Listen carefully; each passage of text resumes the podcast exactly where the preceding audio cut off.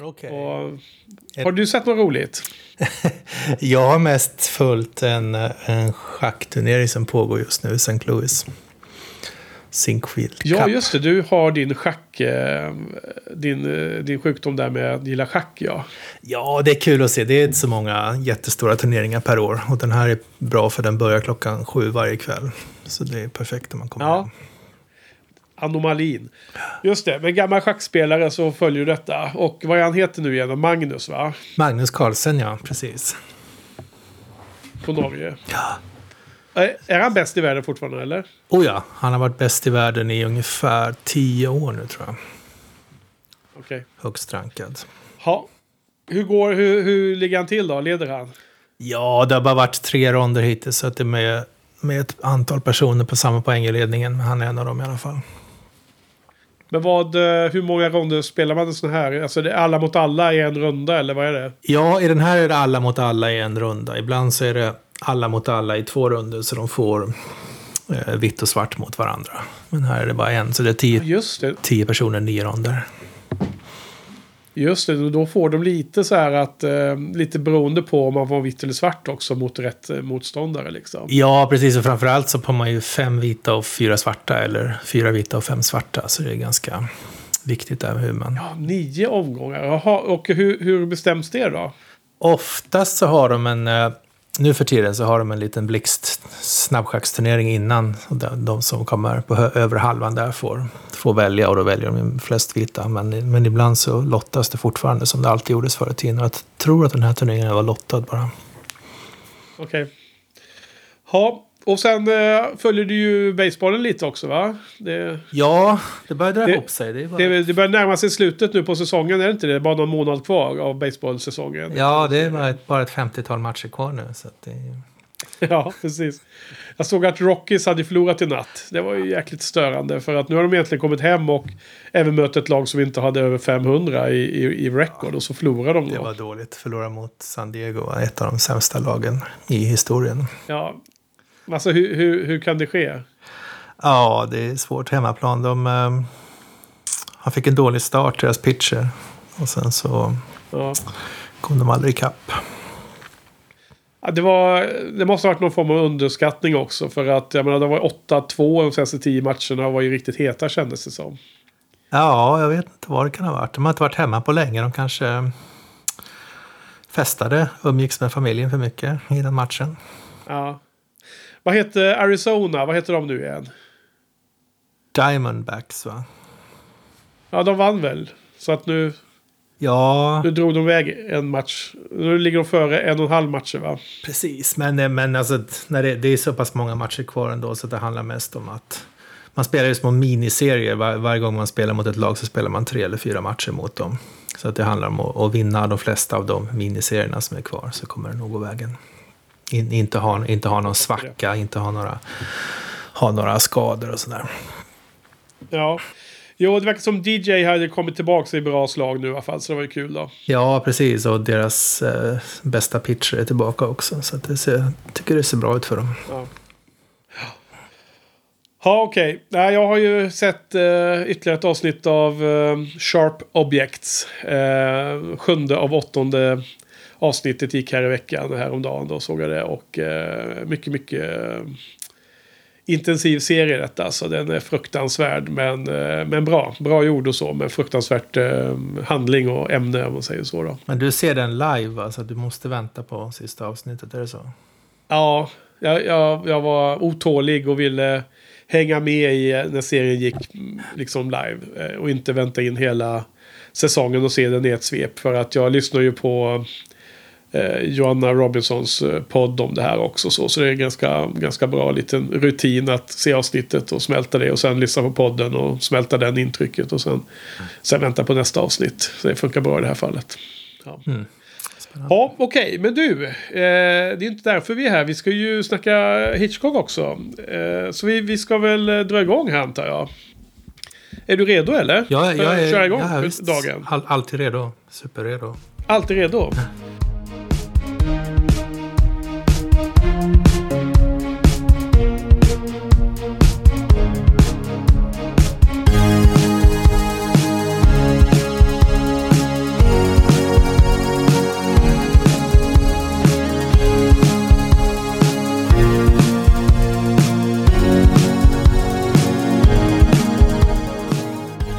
Välkomna till Shiny-podden fjärde säsongen eh, om Hitchcock. Och det är eh, i etern är det jag, Henke, och med mig har jag...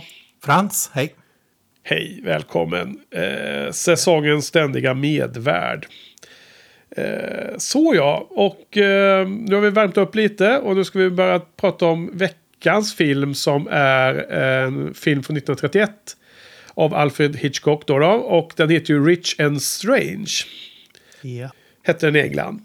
Den hade ju ett annat namn i USA. Har du fiskat upp det eller? Den lilla tidvitten. Eh, ja, jag såg att den, att den ibland eh, kallades öster om Shanghai. Det kanske är det du Ja, refererar till. i USA så gick den under namnet Öster om Shanghai. Ja. Bisarrt. och eh, den här är då eh, en eh, romantisk komedi enligt eh, IMDB. Som är skriven då, själva dialogen är skriven av eh, Hitchcocks fru, Alma Reville. Okej. Tillsammans med någon, någon som heter Val Valentine. Eh, men det bygger på en roman av någon uh, pajsare som heter Dale Collins. Ah, ja, en sån här ro- romantisk dussinroman. Som, precis. Ja. Nurse Betty var ungefär. tydligen... Vad sa du? Nurse Betty eller vad de heter. Ja, precis. Alltså, han är australiensare och journalist. Och så på Wikipedia står det så här att He's notable for a series of sea romances. så att eh, eh, romantiska böcker som utspelas på havet ska tydligen vara hans grej. Okej, så eh, vad heter det? Äh, men lite lustig film. Jag tror ju att eh, några av de här filmerna som vi har pratat om och, och, som, och även andra då i hans filmografi som filmades här runt den här eran var ju filmer som, som studion bestämde åt honom och eh, han mer eller mindre bara var tvungen att exekvera. Ja, den för, Bland förra så verkar- veckan till exempel pratade vi om. Ja. Ja, precis. Förra veckans The Skin Game var ju han inte alls intresserad av egentligen. Eh, visade sig i de intervjuerna och så. Då, då. Eh, måste säga att den filmen var ändå ganska bra måste jag säga. Det var, en, en, det var lite, något av en, en liten favorit där mitt i allt. Eh, eh, måste jag säga. Eh, men det byggde ju på en stark eh, teaterpjäs. Så det kanske var det som var själva styrkan i den då. Eh, Men den här filmen har jag fått en känsla av att han mer valde själv och att han, eh, han, han har adapterat, han har alltså deltagit i att ta fram idén och så och bygga på den här boken men, men att, att göra, göra den till stor del själv. Det, det är vad jag har uppfattat det som. Jag vet inte om du har någon åsikt i frågan. Eh, nej, det har jag inte. Jag, jag såg att den var baserad på en bok, men jag, jag måste erkänna att jag inte Ja. efterforskade närmare. Nej. På, på den här DVDn i eh, boxen som både du och jag har köpt och som, vi, som anledning till att vi har valt ut de här filmerna i början. Så är den här franska filmvetaren då som eh, ska vara någon form av Hitchcock-expert. Som för övrigt då, vi har ju glömt vad han heter hela tiden men nu skrev jag upp det i mina notes här Frans. Eh, Han heter ju Noel Simsolo. Men okej, Och, den, den, han- den galne fransmannen vi pratar om. Exakt, det som också går under benämningen den galne fransmannen. Han, eh, han hävdar ju att den här eh, romanen finns inte. Eh, Han hävdar att det, den, den romanen och den författaren finns inte så att, att det egentligen är Hitchcock, alltså Alfred Hitchcock och hans fru som hittar på det själv. Jaha. Men det, det verkar ju också helt absurt för att han finns ju tydligen. Åtminstone om man då ska tro Wikipedia. Och jag läste en annan analys om den här filmen på nätet. Det var också någon som kommenterade eh, Simsolos absurda uttalande om att han misstrodde att den här jävla boken ens fanns. Och, och det var också så här att den... Eh, sen så har han ju ett annat fel, annat fel i, eh, i, i vad han säger om det här i sin korta intro, Simsolo. Han, han, han pratar om en skådespelerska som senare återkommer i en senare eh, alltså, långt senare i en annan Hitchcock-film. Och eh, då säger han ju fel film där då. Och det kanske inte är hela världen, men om man nu ska vara en, en liksom firad expert och tillräckligt vass för att får vara med och, och göra introduktion till alla filmerna på hela den här boxen så, så tycker man att han borde ha koll på sådana. Det borde vara liksom basics att ha koll på den där typen av fakta kan man tycka. Ja. Och om inte annat att de, att de måste liksom eh, måste faktagranska lite när de har tryckt upp de här boxarna och han, han sitter där och pöser i sin stol och eh, förkunnar olika sanningar som då tydligen är mer eller mindre osäkra sanningar hela tiden. Ja, jo, pöse var rätt ord. Ja, ja, har du kollat på hans intro till den här filmen också eller har du skippat det den här gången? Nej, jag har skippat det på den senaste.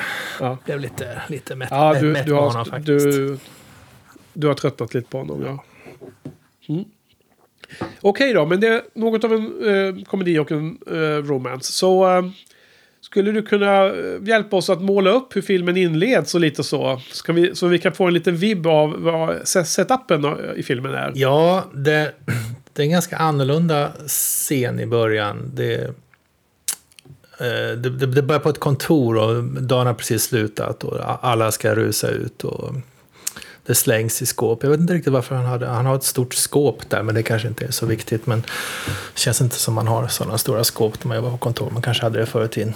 Och så går han ut på gatan och det öser, regnet öser ner och hans paraply funkar inte. Det blir bara mer och mer elände. Han sätter sig på tunnelbanan. Han går på tunnelbanan, finns ingenstans att sitta så han får stå där. Och han ser en massa reklam om eh, lyxartiklar och man ser hur han börjar drömma om ett, om ett annat liv. Han kan ha råd med sånt. Och Ja, när han till slut sätter sig ner och liksom förlikar sig med sitt liv och slår upp dagens tidning så är det första han ser en artikel som är någonting med Vill du ha ett bättre liv eller vill du ha ett rikare liv? Och, Ja. och sen så kommer han hem till slut till sin fru då som bjuder på njurpaj. Det är svårt att veta om, om det anses också vara eländigt eller om det var en delikatess. Det, det ansågs nog vara eh, vardagsmat och eh, tråkigt. ja, hoppas det. Men vad hette det på engelska då? St- eh, eh, steak and kidney pie. Ja, det Och- finns fortfarande. Oh ja, oh ja, det är därför jag är lite osäker. Jag har aldrig riktigt förstått om folk tycker att det, är, att det är gott eller om de bara äter av traditionella skäl. Precis som vi äter Ja. ärtsoppa och sånt där. Jag, jag, jag, läste seriealbum nummer ett med Lucky Luke igår kväll. Eh, som heter Diligensen. Och där eh, när de reser från, eh, från Denver, Colorado till San Francisco. Så på varje sån här stopp där man byter hästar så blir de ju serverade mat. Och då får de alltid fläsk och potatis. Ja. På alla ställen. Fläsk och potatis, det var det som gällde. Ja. Så att jag har en känsla av att steak and kidney pie må vara lite fancy om man går och sätter sig på en, en liksom fin pub ute på landet eh, bland det fina folket. Men om man äter det varje dag eh, liksom, så kanske det inte är lika kul längre. Nej, nej, precis. Och sen, och sen så över allt detta så är det någon helt vanvettig musik. Helt, helt hysterisk, jättehög. Ja, Bara ilskna stråkar och gud vet vad. ja Det är verkligen en, en konstig scen. okej. Så vad, vad är det för någon känsla? Vad är, vad är, som i det här läget, vad tror du att det är för någon film du, du har framför dig?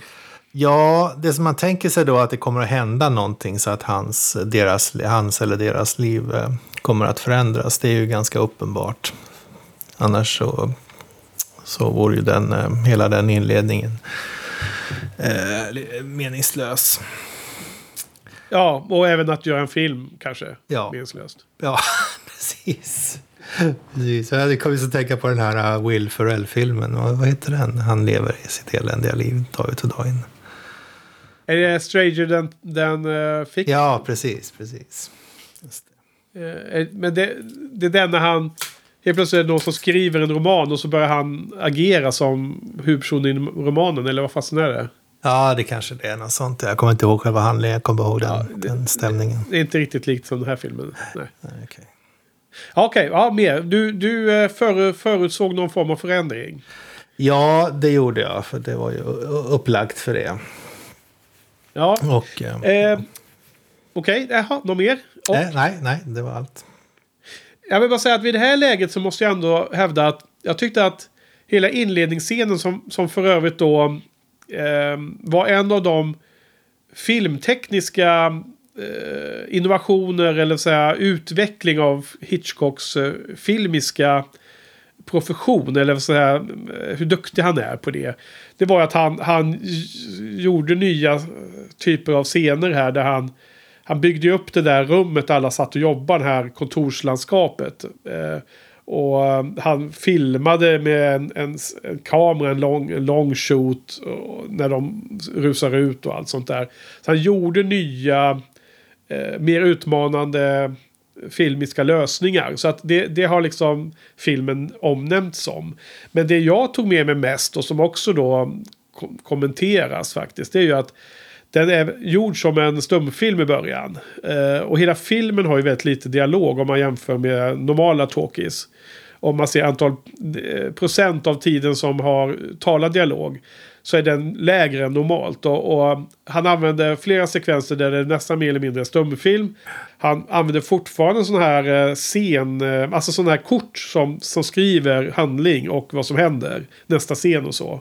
Du vet. Ja, precis. Eh, sådana här, vad heter det? Titles cards som, som man hade på stumfilmseran. Ja. Och sen den här hysteriska musiken är ju också lite så här eh, typiskt för stumfilm kanske. Att man har väldigt... Eh, det, det, är en viktig del i, i uh, framförandet för det är det enda man hör. Ja. Och jag kommer att tänka på Charlie Chaplin-filmer liksom. Uh, inte, inte de bästa då, utan de inte, den är inte så lysande den här första scenen. Men det var liksom Chaplin. Uh, det var som att det skulle kunna spelats in samma era som Chaplin höll på med sina stumfilmer. Ja, ja, just det. Kan du se, kan du se den kopplingen? Absolut, klockrent tycker jag. Ja. Ja, vad händer sen då? Eh, ska vi ta, ta det här vidare ytterligare någon scen eller? Eh, ja, vi kan väl ta slut, slutet på den scenen bara. De får ju ett, eh, ett, eh, ett brev va? Det kommer någon gammal mm. dam och levererar posten personligt på kvällen. Jo. Och. Mrs Porter. Är det det hon heter? Okej. Okay. Ja. Eh, hon, hon spelas ju av Hannah Jones som var med i eh, Champagne från 1928 och i Blackmail från 1929 och i Murder från 1931. Oj. Tre av de tidigare filmerna har hon haft små, små, små roller. Jaha. Um, hon var the landlady i Blackmail, vilken det nu var. Uh, vilken person det nu var i den filmen. Och hon var Mrs. Didsam i uh, Murder. Uh, vem det nu var. Okay. Också oklart. Kanske någon i juryn där. Ah, ja, hon är lite typecastad då kanske. Ja. Men det var hon Mrs Porter. Hon kommer med ett brev, ja. Ett brev från... Eh, vad heter de? Fred och Emily. Från Freds eh, uncle eller något sånt där. Som vill eh, eh, skänka honom pengar. För att han visste att Fred var sugen på att, att åka runt jorden på en semesterresa. Eller något liknande. Ja, precis. Det stod, det var stod någonting om att vi, när vi pratades vid sist så sa du att du önskade dig ett bättre liv. Jag tänkte att du kan få få det arvet som du ändå kommer att få när jag dör kan du få nu istället. Så du kan, ja. du kan njuta av livet i, i nuet när du är ung. Något sånt var det va? Ja, ja så eh, okej. Okay, ja. Så, eh, så det här var en bra start för en komedi då? Eller hur, hur, såg, du, hur såg du filmen framför dig? Jag visste ju inte att den hade klassifikationen komedi. Så att jag, jag såg framför mig att det skulle vara en sån här film där någon någon får pengar och livet leker, men sen slutar det i, i tragedi. Ja. Det var... Men det var ju delvis sant då. då. Det, eh, jag visste, jag hade ju inte heller läst eh, IMDBs kategorisering av filmen innan jag såg den, men jag jag hade ändå av någon anledning kanske när jag gjorde research för vilka filmer vi skulle ha med på podden. Så hade jag ändå fått en känsla av att det här skulle vara en komedi. Så att jag var nog spoilad på själva genren. Mm. Eh, för, för sen, sen är det ju, om vi ska eh, röra oss framåt här lite då, så är det ju egentligen en film där de reser på en jorden runt-resa. Med olika stopp eh, i Paris, eh, senare i främre, främre Orienten, där i, i, någonstans i Medelhavet. Och senare hamnar de i Singapore. Och på väg dit så eh, händer en massa grejer. Så både Fred och Emily, det gifta paret, blir eh, förtjusta i, i, två andra personer. Och de riskerar att splittras. Det är väl själva dra dramatiken i filmen va? Just det, och, och, den, den delen att de, att de träffar de här andra personerna, allt det här utträffas, utspelar väl sig tidigt på den här resan, när de är på något kryssningsfartyg. Och Ja, alltså jag, jag tolkar som att hela deras resa är på det kryssningsfartyget och det, och det ska ta dem runt jorden. Ja, men det är så de det är. De- väljer att ah, ja, hoppa- Okej, okej. Jag förstår. Utan de åker först till Paris och sen ner till Marseille. Och på Marseille så borde de det här fina skeppet. Fina kryssningsfartyget. Och det är det de ska åka på resten. Ah, ja, okej. Båda hoppar av i Singapore. ehm, därför att Fred är ju världens största asshole. Så jäkla elak snubbe. Och så himla elak mot sin fru. Hela tiden. Eh, tycker jag. Vad tycker du om Fred? Är han en Han- eh, tri- trivsam eh, figur eller? Nej, han är ganska gnällig och sådär lite sarkastisk. Är elak som du säger. Det känns som att han... Ja, och han är ju... Han, han hanterar... Han... Eh, eh, vad heter det? Uppför sig extremt eh, dåligt mot sin fru. Ja, han, han, kan, han Han- kan inte han- hantera sitt missnöje med livet. Va? Han bara gnäller på allt. Ja. Liksom. Och han, han träffar ju på en eh, exotisk prinsessa på den här eh, cruisen som visar intresse för honom och visar ganska starkt intresse för honom. Så han, han faller ju pladask för den här prinsessan och vill ju då eh, elopa med henne, alltså avvika eh, och så. Och eh, sen visar det sig givetvis att eh, hon är ju en, eh, en bedragerska som bara är där för att fiska upp den, den rikaste och mest korkade snubben på den här båten för att skin- skinna honom på pengarna. Och han är ju den mest korkade av dem alla. Ja. Han är ju Eh, sjösjuk väldigt länge också. Ja, precis. Och Eh, han, hans hustru försvar, försvarar honom med, med frasen Oh yes, he's much better. He's really a very good sailor, but he's not used to it. he's, he's really a very good sailor, just not used to it. Ja, jag har också skrivit upp den, den, den, eh, den citaten för det är så himla roligt. yeah, he's much better. He's really, he's really a very good sailor, but he's not used to it. Ja, suverän. Det är väldigt mycket lustig dialog och jag tycker att hon frun, Emily, är den som säger ofta de roliga sakerna. ja, Lade du märke till det eller? ja, ja visst. Men det, det var väl eh, Hitchcocks fru som hade skrivit manuset, sa du va? Ja, ja, precis. Hon skriver ju väldigt ofta de här eh, manuset. Och men i slutet där när de är på det här vraket och, och så eh, och, och Fred eh, lyfter upp henne och sätter henne på någon jäkla platt yta så bara hojtar hon till. Oh, sat on a knot.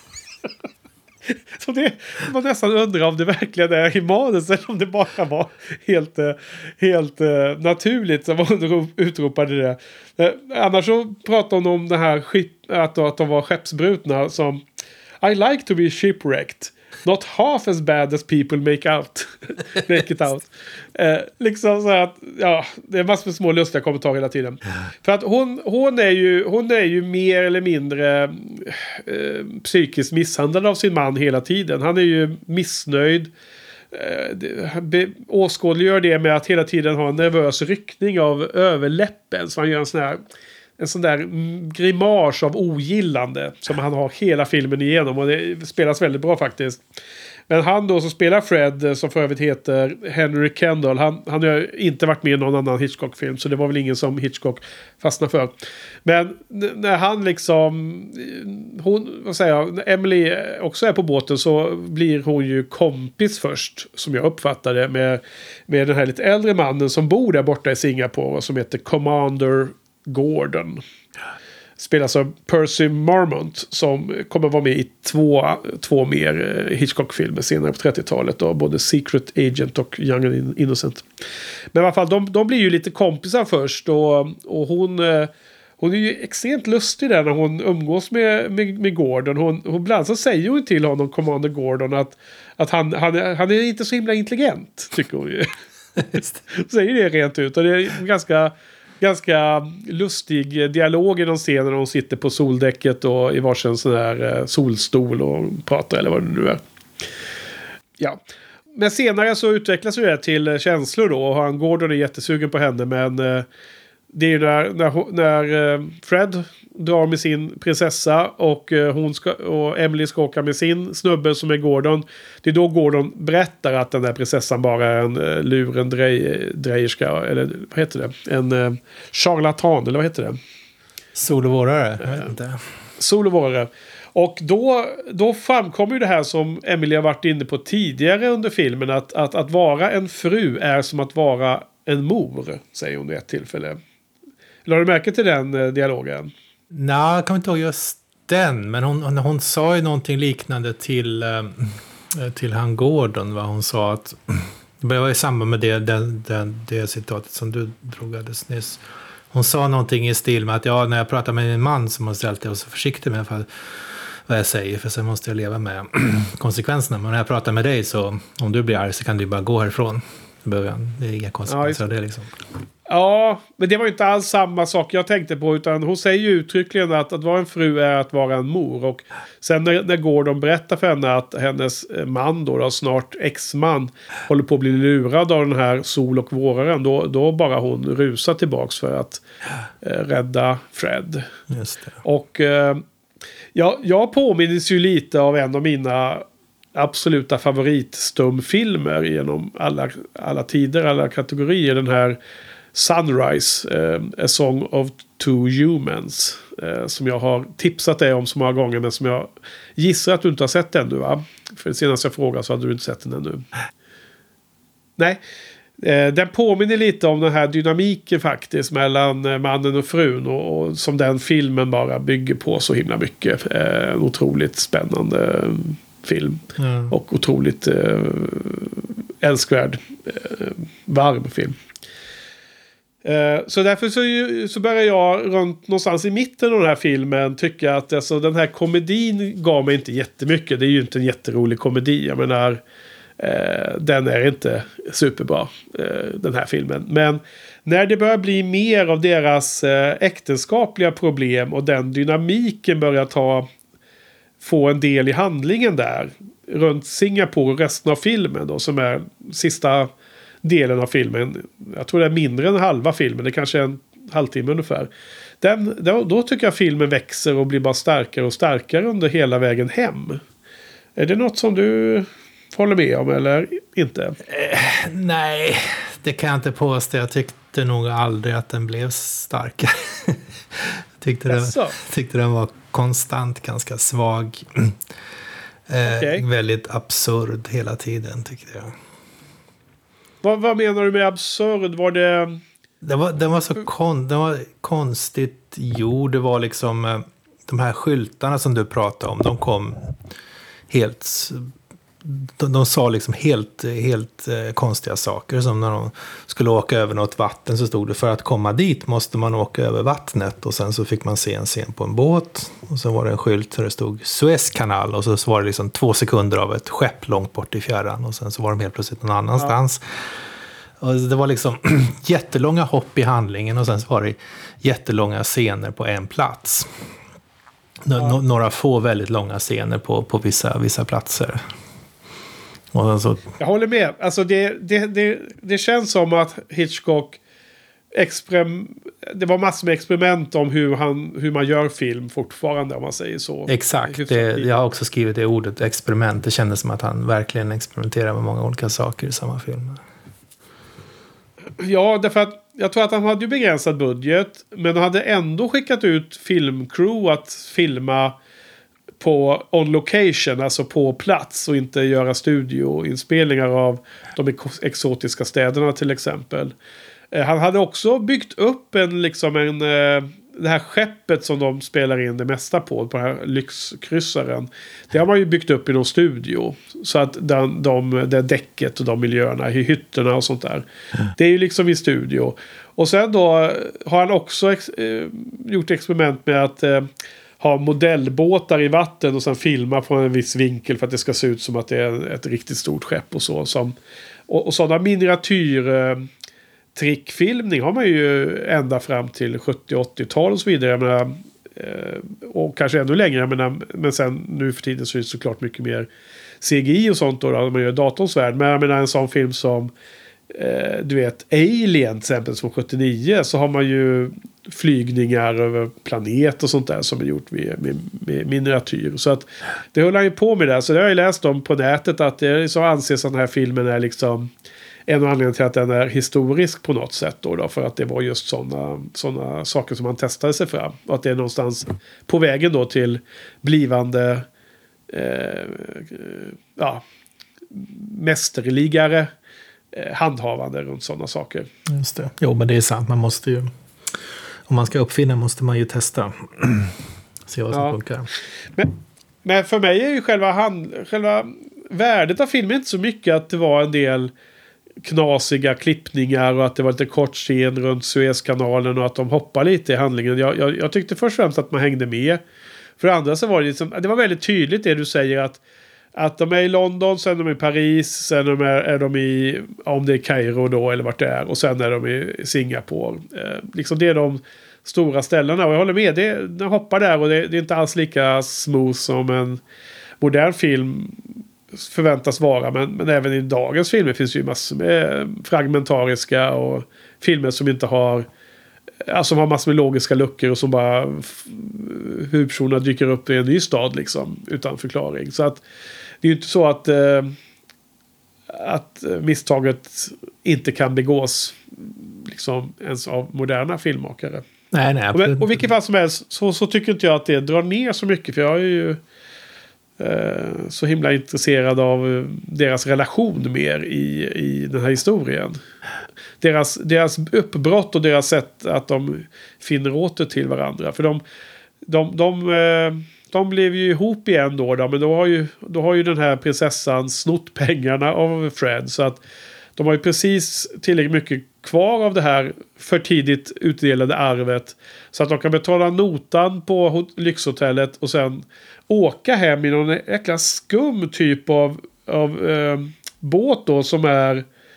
Eh, vad kallas det nu? Jag skrev upp det här någonstans. Eh, Tramp Steamer. Eh, och det visar sig att det är ett, en, sån, en sån båt, fraktbåt förr i tiden var att det gick fraktbåtar som inte hade en, en förutbestämd rutt. Eh, den hade alltså inte förutbestämd eh, vad heter det, eh, cargo. Utan de åkte till olika storstäder och köpte och sålde saker. Och det man köpte var, eller det man lastade på skulle till någon annan ställe som då var oklart. Det kunde vara lite var som helst. Och där, därmed kan jag tänka mig att pa, eh, persontrafik då, vanliga passagerare var det väl väldigt billigt att åka med. För att det var kanske lite o, otydligt exakt när man kom fram till England liksom. Ja, just det. Och den här båten eh, krockar ju i dimman och håller på att sjunka. Och så är det lite Titanic-vibbar över det hela. När de är instängda i sin hytt. Kommer inte ut. Eh, vattnet börjar sippra in. Och så klipps det. Eh, och så tänker man ju att det här är helt absurt. Ska de drunkna nu eller? Så, trodde du det eller? Nej, jag vet inte om jag trodde så mycket vid det laget. Jag var ganska trött på den vid det laget. Jaha, du hade redan givit upp. Ja, för, jag, för mig var det bara en stigande kurva hela tiden här in. Så jag, jag Ja, var ganska nöjd med filmen efteråt. Därför att för så klipps det då så dagen efter vaknar de upp då har de svimmat eller då har de somnat av utmattning och eh, då har ju skeppet inte sjunkit då, då så de hade tur där och sen så kunde de ta sig ut via, via hyttfönstret och eh, för att genast bli bordade av eh, plundrare. Eh, en kinesisk, vad heter det? Jonk heter skeppet va? Ja, Jonken. Det är väl sånt som är med i olika Tintin-serier och sånt va? Man åker Jonk. Ja det är med möjligt. Ja. Just det. Typiskt. Och, eh, och så via dem då får de ta sig hem. Där, där får de liksom får de skjuts då och blir räddade. Otroligt många små roliga scener där i slutet tycker jag. Och ett antal eh, bisarra titelkort också. Eh, Jag, jag skrev inte upp Ja. allt det stod på dem, men det var precis den scenen när de klev ut genom hyttfönstret där. Ja. Så kom det ju ett titelkort som det stod något jättekonstigt på. Ja men att du, att du störde så på dem är ju jättelustigt. Men hur, hur, hur kan det ske? Jag menar vad, vad är det, vad är... Varför var du så störd över det då? Var det något allmänt? Du var egentligen irriterad på resten av filmen? Var det, var det så? Ja, det var väl det. Jag var inte så störd på dem. Jag tyckte bara att de var extremt konstiga. En del av dem var lite, Ja. lite så här nedlåtande mot publiken också. Liksom förklara saker som att det här, det här vet, det här kan förstå säkert inte folk. Det är mest vi förklarar. Så en del av dem var lite så också. Ja, det där reflekterar jag inte ens över därför att det, är liksom, det kändes så udda att i en talfilm använda stumfilmsteknik. Och det står också på Wikipedia att filmen då inte blev speciellt kommersiellt framgång. Eh, Den, den sålde inte bra varken i England eller USA.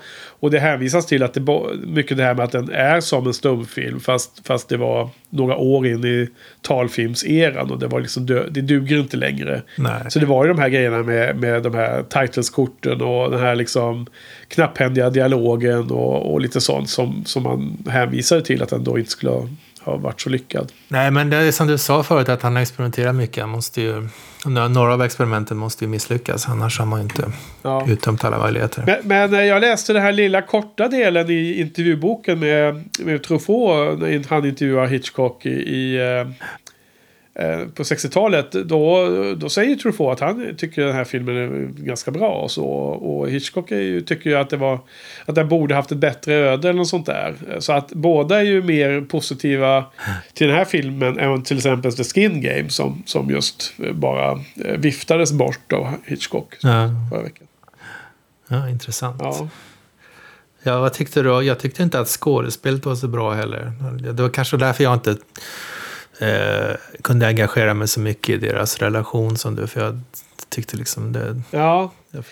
Jag- tyckte att det var, det var lite roligt att, eh, att se sådana här kopplingar till Hitchcocks övriga eh, vet du, verksamhet och filmer och sånt där. Och det, det har jag ju liksom spanat på lite tidigare filmer också. Det är kanske något jag får fortsätta göra. Men eh, här var det några kul grejer. Att hon som spelar Emily, den kvinnliga huvudrollsinnehavaren. Hon heter ju Joan Barry. Och hon eh, var ju en typisk sån här eh, Hitchcock-blondin som, som tydligen ska vara något av ett begrepp. Och eh, han, eh, han gillar tydligen inte henne speciellt mycket så att hon, hon fick ju aldrig filma mer med honom då. då.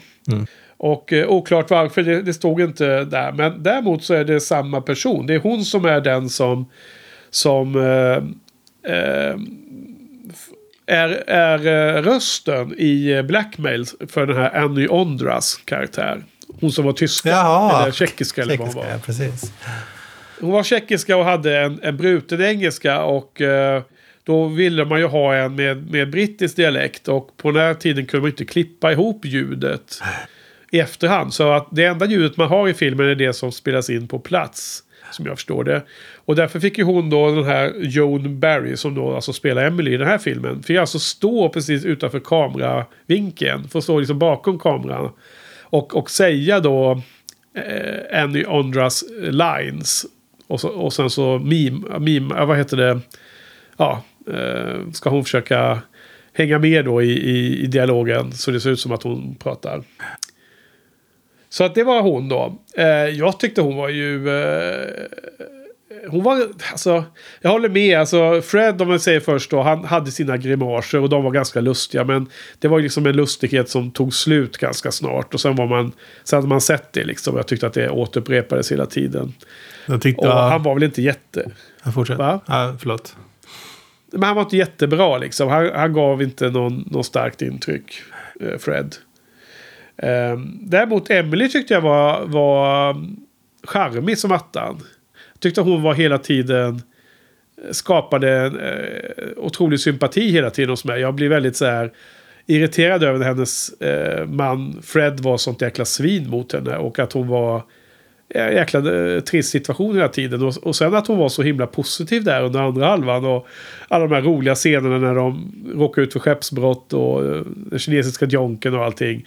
Så jag bara tyckte mer och mer om henne hela tiden. Och, och eh, i början tyckte jag inte att hon var supervacker eller supersnygg eller sånt där. Hon hade ju liksom en... En, en ja, okej okej utseende men lite mer alldag. Alltså det var liksom inget speciellt med det om man säger så. Men sen så allt eftersom att jag blev mer och mer sympatiskt inställd till hennes karaktär så bara jag tyckte att hon blev, såg bättre och bättre ut också. Vilken sån här lustig effekt som blir ibland när man, Eh, när man får liksom feeling för en karaktär. Att man också tycker att skådespelaren, eh, skådespelerskan som det ofta handlar om eftersom man har eh, den läggningen. Eh, att hon var supernice liksom. Och, och det var vissa scener i slutet som jag bara tyckte att hon är liksom eh, nästan som en kopia av Marilyn Monroe där i slutet. När hon eh, hade längre hår och det var lite mer eh, utsläppt. Ja, ja, för jag, Det var inget som du tänkte på kanske? Inte Marilyn Monroe, men däremot så tänkte jag, hela filmen försökte jag komma på vem det var som, jag tyckte att hon var extremt lik någon eh, modern skådespelerska. Jag tänkte liksom, det här måste ju Jaha. vara någon släkting, för att det var så fruktansvärt likt, men jag kan inte komma på vem det var. Nej, vilken dålig anekdot där det blev. Jag tror, jag tror att det kan ha varit Reese Witherspoon jag tänkte på. Jaha. Kan du köpa Henne det? har du ju sett i många filmer. Ja, men kan, att kan du det köpa att ju- det, att, det, att det var hon? Att, hon, att de kan vara, ses som väldigt lika? Alltså, de här scenerna i slutet när de är på Jonken, då så, då, då så satt jag verkligen så att hon är ju superlik Marilyn Monroe. Och, och jag skrev ner det i mina notes här. Och eh, då eh, har jag sett den likheten i huvudet. Och då är det väldigt svårt att switcha om och eh, Ja, köpa in på din, din spaning. Så att det, det är svårt för mig att säga. Eh, Det, det beror ju på hur, om man tycker folk är lika någon annan beror ju kanske mer, inte så mycket på utseende utan på andra saker. Såna här små, små grejer som man inte kan eh, precisera. Ja, det är säkert mycket i, i en, eh, en karaktär som agerar och har att det är både utseende och många små eh, miner eller små eh, gester eller små, små saker som man kanske inte kan sätta fingret på. Nej, jag, jag, jag tror att det är helt eh, rätt. Vad heter det? Eh, någon annan eh, jäkligt jäkla lustig grej. Jag måste, vi måste ju ta upp det obligatoriska avhandling av katten. Det var ju en svart katt här som de hade hemma också. Eh, först hade de en katt hemma som då Fred var elak mot och kastade undan hela tiden. Men sen när de var på den där båten som, som eh, höll på att sjunka. Eh, den, den sjönk ju senare också så att de, det var ju verkligen tur att de blev räddade av den här jonken. Då, då så tar de, sig, tar de ju sig in i, eh, i baren för att ta sig en sup eller ta, ta sig en brandy. Och då hittar ju hon en katt där, eh, där inne. Så att, så att när de räddar sig över till Jonken så har ju Emily med sig en svart katt under armen. Och eh, den katten eh, hoppar ner där i Jonken. Och sen då eh, är ju kineserna avvaktande och på avstånd men vänligt sinnade nog så att de ger ju faktiskt mat till eh, Fred och Emily. Och de äter ju med så otrolig frenesi för de har ju inte ätit på flera dagar. Och det är massor ris där och det är något gott då tydligen. Det var den godaste middag de har ätit då. då. Och, och det är en liten blinkning tillbaka till att de är på någon lyxkrog i Paris. Där, där Emily, och de blir jättefulla. Och eh, lustigt nog när, eh, när de vinglar tillbaka till sitt hotellrum. När Hitchcock håller på med ozoomad lins och så. För att visa hur, hur, hur suddiga de är i fyllan. Men, men eh, eh, och då har de ätit den här fina middagen. Så jag gissar att det är en liten blinkning tillbaks dit. Eh, när de säger att det var den godaste maten de någonsin ätit. Och sen efter de ätit färdigt och så kom ju någon kines upp och, och liksom sätter upp eh, resterna av katten. Som är då själva huden bara. Eller vad säger jag? Själva pälsen sätter man upp på, på väggen för att torka det här då. Så man ju så helt ut, utspridd. som, Otroligt lustigt. Det kommenteras ju inte. De bara, de bara tittar på varandra och sen så ser man hur de liksom kastas ut över, över relingen då för att ja, typ eh, må illa. Eh, för de var tydligen inte lika eh, vana med att äta katt då.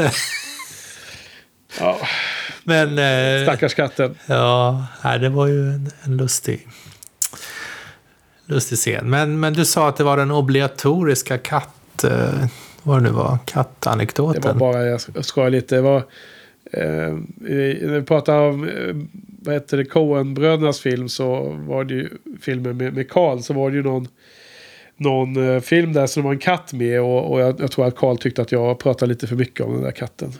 Jaha, okej, okej. Jag satt mest och funderade på, när 17 pratade vi om katter i si- sist? Ja. Ja, ja, ja, och sen kommer de ju hem till slut i alla fall tillbaka till England och så är det ju en sån bookend-scen när de igen är hemma och Fred är bara missnöjd med allting. Och, och Mrs eh, Porter kommer in och serverar steak and kidney pie. Och eh, Fred ser så himla missnöjd ut och då så ska han roa sig lite så han sätter på radion. Och då är det den brittiska väderleksrapporten. och det är bara regn och det ska bli gale, winds och sånt. Och han bara stänger av och gör den här liksom äcklade minen med överläppen igen liksom. Ja, ja. Ja, okej. Eh, men eh, en annan liten an, eh, trivia-info var ju att... Kommer du ihåg att det fanns en, en eh, karaktär på, i filmen som, som var en medresenär på den här lyxkryssaren som i, eh, i rollistan kallas för The Old Maid. ja hon, Eh, hon, hon som som var- lite comic relief som också var intresserad av Gordon. Precis, som, som kom in i olika scener och, och, och stökade till det för folk. Och hon var lite, det känns som att hon var så klumpig och lite vimsig. Va? Precis. Eh, hon, hon spelades ju av någon som heter Elsie Randolph. Och hon och Alfred Hitchcock blev ju tydligen superbundis. Och, och eh, han gillade henne och, och vice versa. Och var tydligen kompisar i resten av livet eller något liknande. Och det var hon som var, var med i en mycket senare film. Alltså hon var med i Frenzy från 1972. Vet du. Oj. Som är en av Hitchcocks sista filmer då. Om det är näst sista eller vad det är. Åh herregud. Så att, 40, 41. Eh, va? 41 år senare. Ja, för att hon spelar ju någon äldre... Alltså det känns som att hon är liksom medelålders här i den här filmen. Men hon var inte så himla gammal när hon spelade in den. Så hon var väl typ... Nej, men, men det tänkte jag också på att hon såg, hon såg lite för ung ut för, att, för den karaktären hon spelade. Ja, det är möjligt. Ja. Okej, men du, eh, det var väl ungefär... Jag har skrivit ganska mycket notes den här filmen. eh, För efter, ja, när jag såg den här filmen. Och det är väl också ett tecken på att man är engagerad i någon mening. Men... Eh, eh, har du några mer saker du vill ta upp och prata om, eller? Nej, det har jag väl egentligen inte. Det, det var en del, en del, jag vet inte om det är värt att ta upp, men det var en del konstiga som nog idag skulle anses vara extremt politiskt inkorrekta scener. Jaha. Till exempel när hon, eh, hon den här komiska, hur översätter man comic relief, komisk avslappning. Ja, När hon, när hon ser på en mattmarknad i, eh, förmodligen där i Kairo va? Ja, precis. Eh, Hela den scenen tyckte jag påminner lite om ett- av de här Hercule Poirot-avsnitten med eh, han David Suchet eller vad han heter. Ja, det stämmer. Ett Ja, okej, tidigare fortsätt. där. Nej, men det var det, hon, eh, hon tyckte det luktade illa och så luktade hon först på mattan, men det var inte den och så gick hon fram och luktade på försäljaren. det var inte han, Ja. som, han som luktade illa. Det var, det var lite sådana... Lite mycket sådana grejer tyckte jag. Jag vet inte om man kan störa på det så mycket för det var ju på, på den tiden. Jag vet inte om det var ansågs vara komiskt på den tiden. Men idag så har det väl ett gott. Ja, men vad fan. Då får man väl vara bra känslig om man, om man skulle störa sig på en sån sak. Nej, men man lägger ändå märke till det tycker jag. Ja, det är möjligt. Ja. Ha, någon mer gnäll då? Du tycker jag har gnällt mycket? Ja, du verkar supernegativ i den här filmen. Ja, jag tycker... Vilken besvikelse. Ja, jag, har, har ingen mer gnäll att komma med. Filmen, Nej. den tog slut väldigt plötsligt tyckte jag. Ja, väldigt kort i slutet. Det var som att de fick ont om pengar eller tid eller sånt där. Ja, precis. Jag, Känns det som. precis. jag var tvungen att spola tillbaka och se om jag hade missat någonting. För var slut. Ja. Alltså, jag tyckte att det var... Det var... Fasen ganska bra. Jag, jag blev eh, jäkligt eh, såld på filmen under andra halvan. Och även, även i första halvan fanns det vissa scener som höjde sig. Jag menar... Ofta var det Emily som var väldigt rolig, hade väldigt rolig dialog. När, när de kommer till Paris så har ju, de, har ju Fred då faktiskt gjort en, en snäll sak mot sin fru. Han, han var ju ett as i det mesta han gjorde, men här var han snäll. Då hade han köpt henne en, en eh, present ju. Så då var det en sån negligé heter väl det. Det är en sån väldigt tunn eh, historia som, eh, ja, natt, eller vad är det egentligen? Eh, Nattlinne. Ja, negligé helt enkelt. Det är samma namn på svenska kanske. Och, och, då, och då säger hon så här, eh, ska se om jag ska upp den någonstans. I can't wear this. Eh, people will think we aren't married. En otroligt rolig dialog för att vara 1931. Säger jag så jag är lite eh, förutfattad mening om att de inte skulle ha så avancerade skämt på den tiden. Men det, det är klart de hade. Alltså det är ju så roligt. Hon, för självklart menar hon då att liksom, när man gift sig så blir, så blir liksom livet inte sexigt eller, eller uh, flärd längre. Liksom. Utan det är bara när man är upp, upp, uh, uppvaktar varandra fasen. Vilket var en himla lustig liten kommentar tyckte jag. Sen, vad var det mer då? Den där, den där katten eh, som gick åt på Jonken. Det var ju inte det enda offret. Det var ju en helt absurd scen som också var totalt okommenterad. Vet du vad jag tänker på? Mm, nej. Nej. Eh, när eh, Fred och Emily hade redan klättrat över till Jonken för att rädda sig från det numera sjunkande fraktskeppet som de kom ifrån. Och alla kineserna varit inne och eh, de var ju, de, de, eh, vad heter det, rövade ju åt sig alla eh, vad heter det, värdesaker som de kunde hitta innan skeppet skulle sjunka. Och de hoppade ju över till sin jonk. Men en av dem skulle ju klättra ner för något jäkla... Från kanten och det var något snöre och han... Han fastnade med foten i det där. Och han kom med huvudet neråt. Och sen så sjönk ju båten. Men, Han drunknade ju bara där. Alla hans kompisar bara satt på kanten av jonken och tittade. Och hela scenen fortgick då. Och sen så ja, drunknade han. Och så åkte han med eh, skeppet ner. Lade du inte märke till det? Eller? Du hade, du hade somnat vid det här laget då? ja, det är risk för det. Vilken tragik. Ja. Ja, det var en väldigt eh, udda scen mitt i allt. Alltså jag måste säga det att eh, eh, han, han som vi inte ska tro på så mycket, Simsolo, vad heter det, den eh, galna fransmannen. Han, han vill ju hävda att, eh, om jag ska börja avsluta lite så ska jag bara säga hans tes om den här filmen då. Att eh, han menar på att Alfred Hitchcock och hans fru som nyligen var småbarnsföräldrar hade, alltså Simsolo hävdar att Hitchcock har någon slags idé om att ett äktenskap kan inte bli full, fulländat om man inte får barn. Och han menar på att Fred och Emily har inga barn och det är därför de slits isär. Jaha. Och att, att det här är egentligen väldigt en av hans mest allvarliga filmer. Kallar ju Simsolo den här. Men ja, okej, och, men, men eh, det, det finns ju en scen precis i slutet där, hon, där någon av kineserna får barn va? Ja, hon som kommer och serverar dem mat är ju gravid, höggravid dessutom. Och eh, hon kommenterar ju detta, Emily, väldigt så här, intresserat. Och sen så eh, föds ju barnet dessutom i samma, samma scen då, samma dag. Och eh, Emily är ju jätte eh, engagerad i detta medan Fred då som är ett stort as som han är. Han bara skiter i det och tycker att de där får sköta sig själv. Och kineser har fött barn i tusentals år och de klarar, klarar sig själv. Liksom. Du behöver inte hjälpa till. Sen kommer de ut med den lilla bebisen. Eh, ja, det var den, den, den scenen. Ja. Jaha, okej, så jag fattar kanske inte riktigt så. För jag tyckte att hon... Hon... ehm, hon, hon, ville, hon tyckte att de gjorde fel med barnet. Liksom. Hon var väldigt eh, upphetsad över hur man skulle sköta barnet. Medan han sa att hur skulle du tycka det var... När, när hon, han sa någonting med att Ja, när, men- när du har barn så skulle du tycka det var så kul om det kom någon kines och talade om för dig hur du skulle sköta det. Ja, han kanske sa det i slutet men först så ville hon gå in och hjälpa till när man hörde att det var en pågående förlossning. Och då, och då sa han att Ja, ja, okej, hon just det. skulle göra Just det. Men sen kom de ut med, med, med barnet och då var det någon som tog upp en skopa vatten och hällde över barnet som det såg ut som för att tvätta det. Och då började hon skrika, Emily. Nej, nej, nej, man, man får inte hälla vatten på bebisen. Precis. Och det var då han, Fred, sa nej men strunt i det, de, de får sköta sig själv liksom.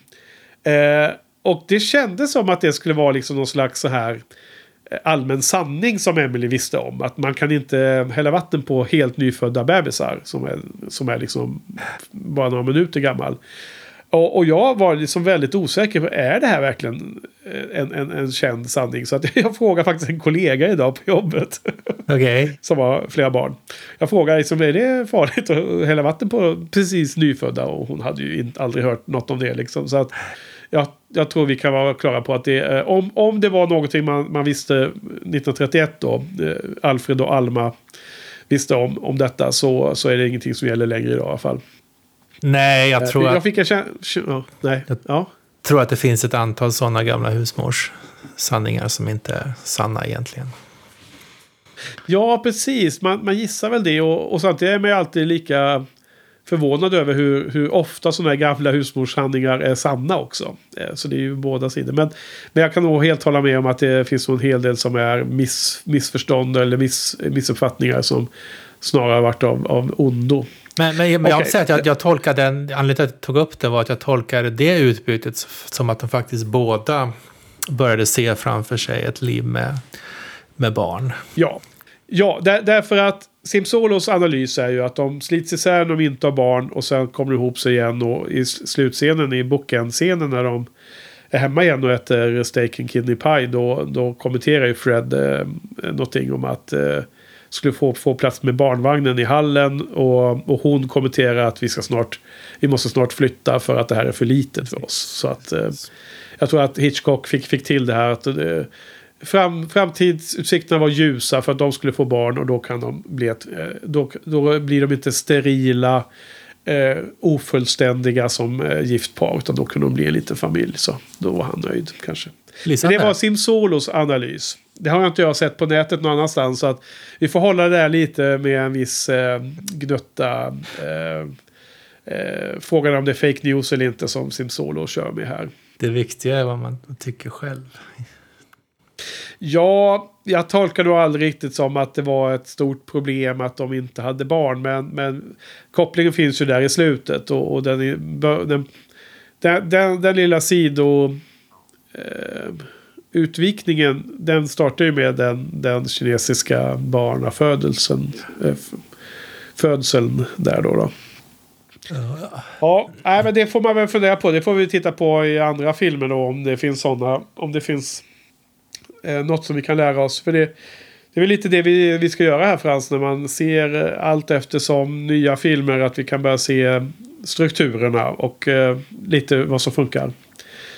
Hur han funkar. Eh, på tal om det då så är vi, börjar vi närma oss slutet på den här himla boxen som har varit så himla länge. Film efter film som är helt okända som vi pratar om. Eh, och nästa vecka är det faktiskt sista filmen då som är sån. Ja, härligt. Eh, och det, är- den heter Number 17 och är från 1932. Det var en ganska kort film.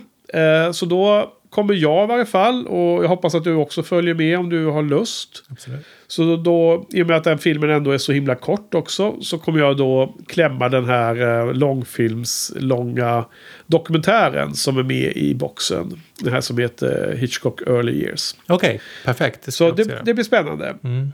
Number 17. Du, varför och heter den nummer gången- 17 när det är nummer 15?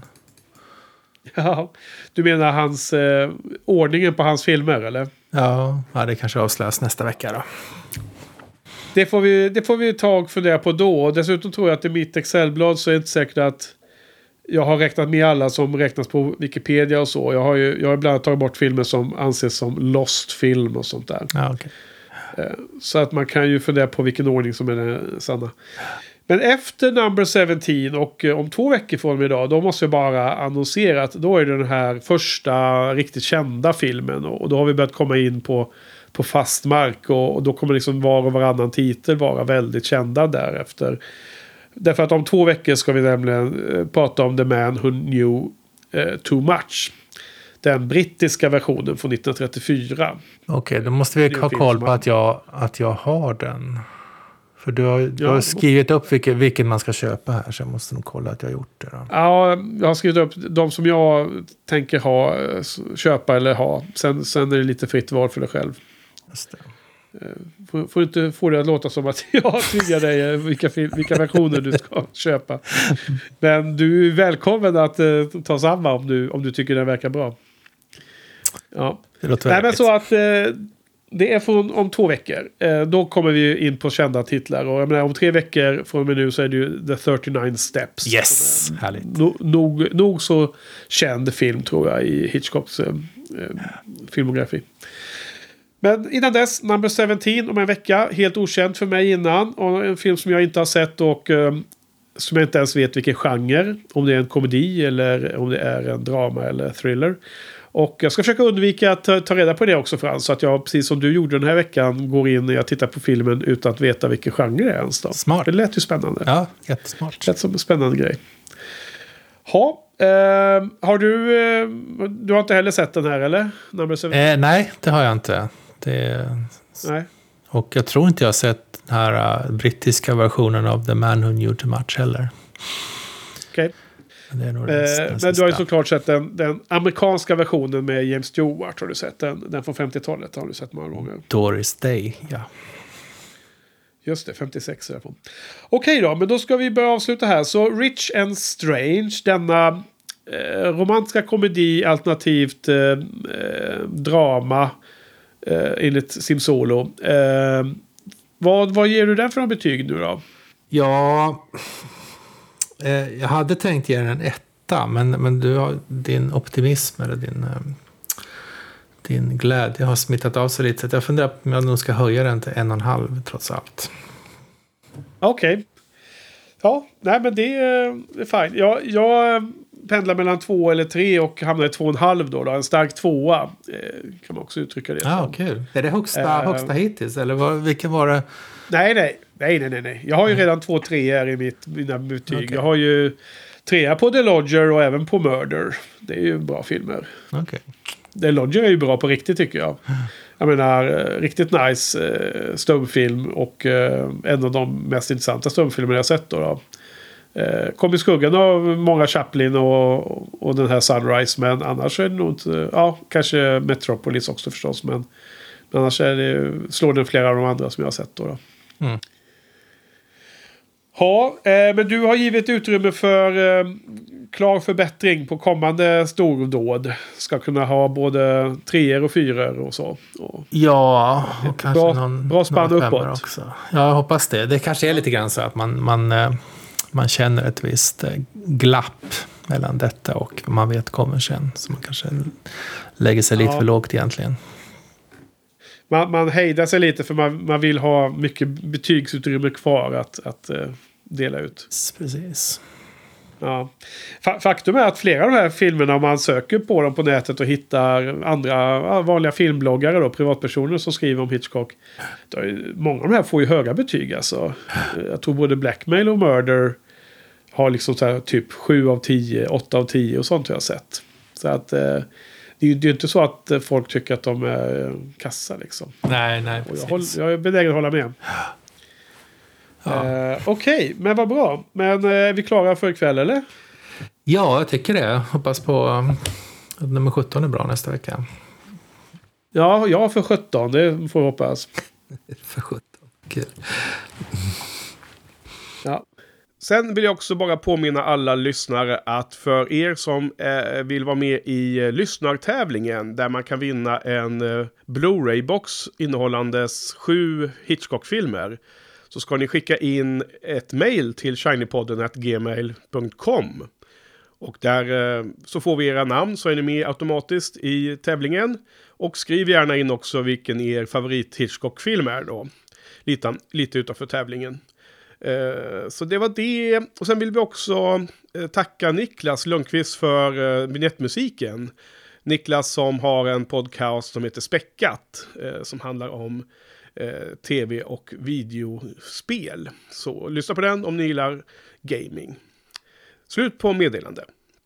Men då säger vi så då. Då tackar jag för idag och tack till lyssnarna. Så tack Frans. Tack Henrik. Tack, tack. Så hörs vi om en vecka. Ha det så bra. Hej! Hej.